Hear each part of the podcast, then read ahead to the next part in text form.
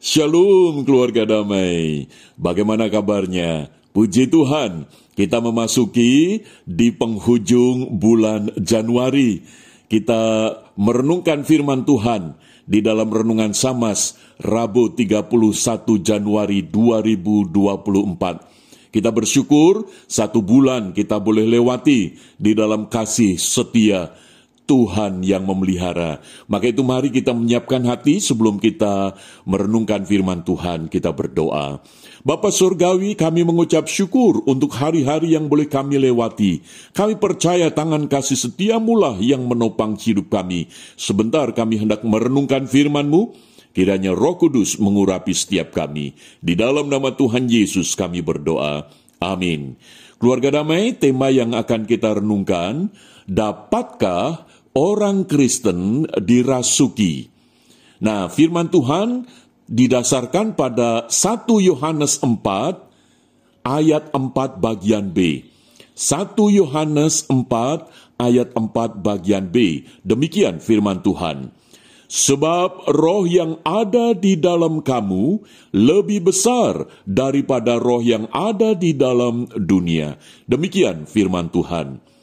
Satu kali ketika saya masuk di dalam perkuliahan di Seminari Alkitab Asia Tenggara tahun 87, ada seorang teman, dia menceritakan satu pengalaman di mana sebelum dia bertobat, sebelum dia menyerahkan seluruh hidupnya untuk menjadi hamba Tuhan, masuk di Seminari Alkitab Asia Tenggara itu, dia ada satu peristiwa di mana dia itu memiliki satu kekuatan atau kuasa untuk menyantet orang, untuk merasuki seseorang.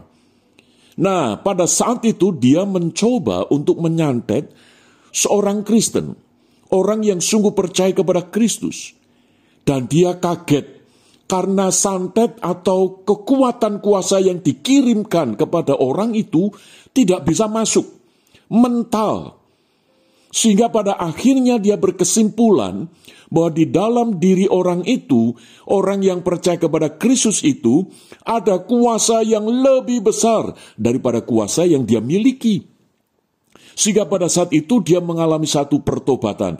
Dia meninggalkan segala kuasa-kuasa yang selama ini dia pegang, dan dia berbalik untuk percaya kepada Tuhan Yesus. Dia bertobat, dan dia menyerahkan diri sebagai hamba Tuhan.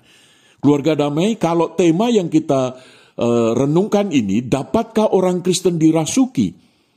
Berdasarkan firman Tuhan, 1 Yohanes pasal 4 ayat 4 bagian B ini dengan jelas bahwa roh yang ada di dalam kamu, roh yang ada di dalam diri kita sebagai orang yang percaya kepada Kristus itu dikatakan lebih besar daripada roh yang ada di dalam dunia ini.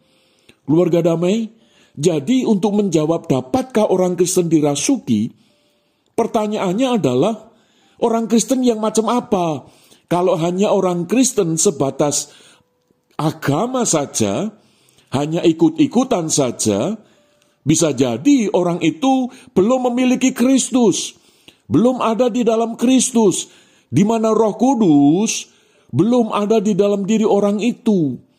Maka kalau itu yang terjadi, ya orang Kristen yang model begini itu masih bisa dirasuki.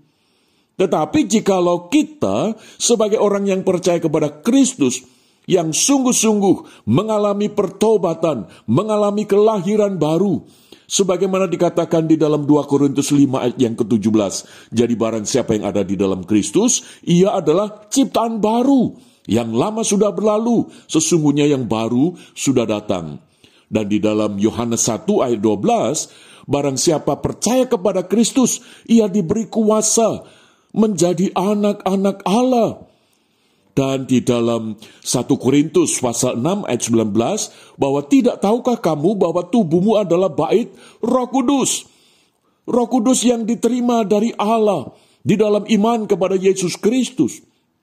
Maka, kalau saat ini kita sudah sungguh menjadi orang Kristen, bukan hanya agama Kristen, tetapi sungguh percaya kepada Kristus Yesus, maka dengan tegas kita dapat menjawab pertanyaan dari tema ini. Dapatkah orang Kristen dirasuki?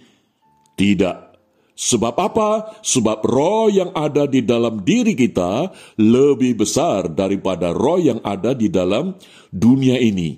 Maka itu keluarga damai, jikalau pada saat ini kita sudah sungguh percaya kepada Kristus, biarlah ini menguatkan iman kita bahwa di dalam segala situasi kita tidak perlu takut karena Roh Kudus yang terus memimpin kita, menjaga kita, memelihara iman kita, sehingga tubuh, jiwa, dan roh kita ada di dalam pemeliharaan Tuhan.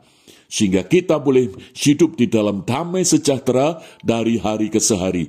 Keadaan apa pun, kita masih tetap bisa menikmati anugerah Tuhan yang mendatangkan damai sejahtera sukacita. Puji Tuhan, mari kita berdoa. Bapak Surgawi kami bersyukur, karena dengan firman-Mu kami diteguhkan iman kami, bahwa kami di dalam Kristus, di mana roh kudus yang berkuasa, melebihi segala apa pun di dalam dunia yang boleh tinggal di dalam hidup kami, sehingga membuat kami tidak dapat dirasuki dengan kuasa-kuasa kegelapan. Justru kami dengan kuasamu, kami boleh menghancurkan, kami boleh menengking, menolak segala kuasa itu. Terima kasih Bapa untuk firmanmu. Di dalam nama Tuhan Yesus kami berdoa. Amin.